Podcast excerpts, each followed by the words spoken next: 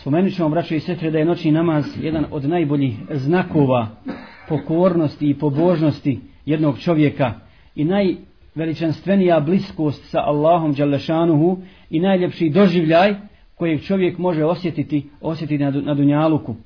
Kao što je rekao Resul sallallahu alaihi ve sellem, najbolji namaz nakon farz namaza je namaz u tmini noći. Najbolji namaz nakon farz namaza je namaz u tmini noći. Ovaj hadis bilježi muslim. Dakle, noćni namaz i bdijenje noću e, se jači i bolje doživljava. I njega doživljava i osjećaju samo istinski mu'mini. Istinska mu'minska srca koja žude, žude za Allahom i zadovoljstvom i njegovom, i njegovom nagradom. I ovaj govor prije svega ja upućujem sebi. Zbog toga što sebe smatram prečim od vas za doživljenom seđdom u zadnjoj trećini noći i dove gospodaru svjetova i želje za oprostom i džennetskim ljepotama i mirisima koji se posebno osjećaju osjećaju u zadnjoj trećini noći dok čovjek, vjernik spušta svoje čelo skrušeno i ponizno pred gospodarom svjetova i dok se naslađuje u molitvi, odnosno dovi Allahu Đalešanuhu. Inače, arapski izraz sahar znači vrijeme utihnuća noći. Vrijeme kada sve utihne.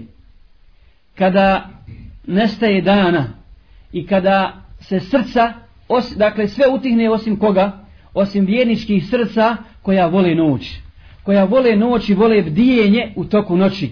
I Allah Đalešanuhu se odaziva takvima udovi, takvima udovi, jer znamo za hadis poslanika sa osallam da se gospodar svjetova spušta u zadnjoj trećini noći i kaže ima li neko da traži oprost da mu oprostim, ima li neko kakvu potrebu da mu je udovoljim, ima li neko da moli za nešto da udovoljim njegovoj dovi? I tako dalje.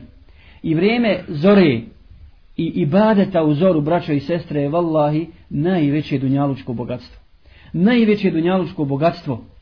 Zato ćemo spomenuti hadis koji je bilježi Ahmed ibn Hanbali predaju u knjizi o Zuhdu.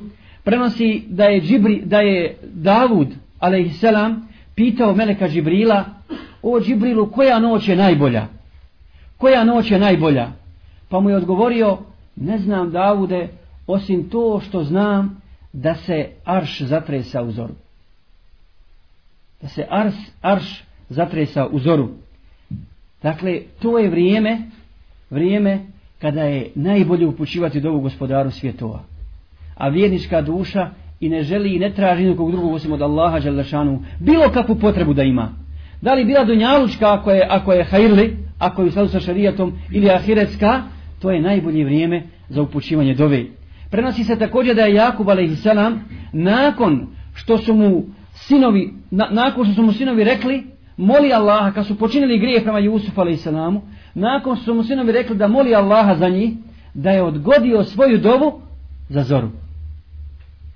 Nije odmah u tom trenutku, a to se izražava u ajetu, gdje Allah što kaže, saufe astagfiru lakum rabbi. Ova izraz, saufe, znači budućnost. Čestica saufe, znači budu, ne odmah, nego moliću svoga gospodara moleći svoga gospodara oprosti i ostavio je to, ostavio je to za zoru. Zatim kaže Sufjan Sauri, Allah ima vjetar koji je pohranjen ispod arša i koji puše u zoru i nosi dove i molbe iskrenih Allahovih robova koje upućuju svome gospodaru. I zaista je za svako čuđenje gaflet i nemar muslimana kad je u pitanju noćni namaz i noćno, noćno obdijenje. I malo je ljudi i žena, muslimana i muslimanki koji koriste ove trenutke da bi upućivali Allahu dovu za sebe, za svoju porodicu, za muslimane i muslimanke i da bi tražili pomoć, pomoć od Allaha Đalešanhu koji jedino može pomoći u svakom trenutku. Jeste, čovjeka često puta uhvati onaj gaflet, e, nemar, futur, kako se kaže na arapskom. dakle, kad se umori, radi, radi i badeti, onda dođe vrijeme umora. I to je prirodno. To se dešava svakom čovjeku. Bio on šejih, bio on alim, bio on običan insan, to taj period kod svakoga postoji. Međutim, Poslanik sallallahu alejhi ve sellem nas braćo i sestre naučio, naučio kako ćemo moliti Allah da nas, da nas zaštiti od takvih stvari, da nas zaštiti, zaštiti od lenosti. On sam upućivao dovu Allahu dželle kaže: "Allahumma inni a'udhu bika min al-hammi wal-huzni wal-'ajzi wal-kasali wal-jubni wal-bukhli wa dala'i ad-dayni wa ghalabati ar-rijal." Gospodaru, utječem ti se od tuge i žalosti. Utječem ti se od siromaštva i od kukavičluka. I od kukavičluka. Utječem ti se od duga i od toga da me ljudi, da me ljudi savladaju. Da, odnosno da me, da me utječem se od ovisnosti od ljudi i od toga da me dug, da me dug savlada. Dakle, to su stvari na koje nas je uputio poslanik sa veselem. Svi u nas nalaze. Pogledajte sad žene dove. Tuga, žalost, kukavičluk, jako ružna osobina, siromaštvo koje opterećuje čovjeka, dug koji ga opterećuje, ovisnost od drugih, ovisnost od drugih ljudi i tako dalje. I vjerni kad upući ovu dovu stalno, Allah Đalešanu će ga spasti od ovih stvari. Spasit ga od ovoga, da će mu mogućnost da uvijek bude vitalan, da uvijek bude spreman za ibadet, da, u, da uspije savladati šeitana u svakoj, u svakoj situaciji. I pogledajte, kaže poslanik sa selem, afdalu salati tulul kunut. Najbolji namaz je dugo stajanje, a posebno noćni namaz. Što dugo stajanje? Zato što je to učenje Kur'ana.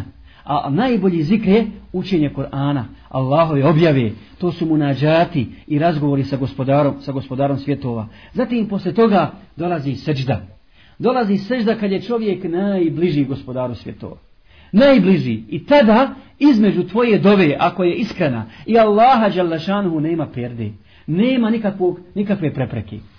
Zato je poslanik sallallahu alejhi ve sellem kad bi čini sećdu po u noćnom namazu ili na filama učio posebnu dovu koja glasi seđede leke se vadi, wa amene bike fuadi farzukni ilman jenfauni, wa amalan jenfauni. Pogledajte dovi. Kaže Rasul s.a.v.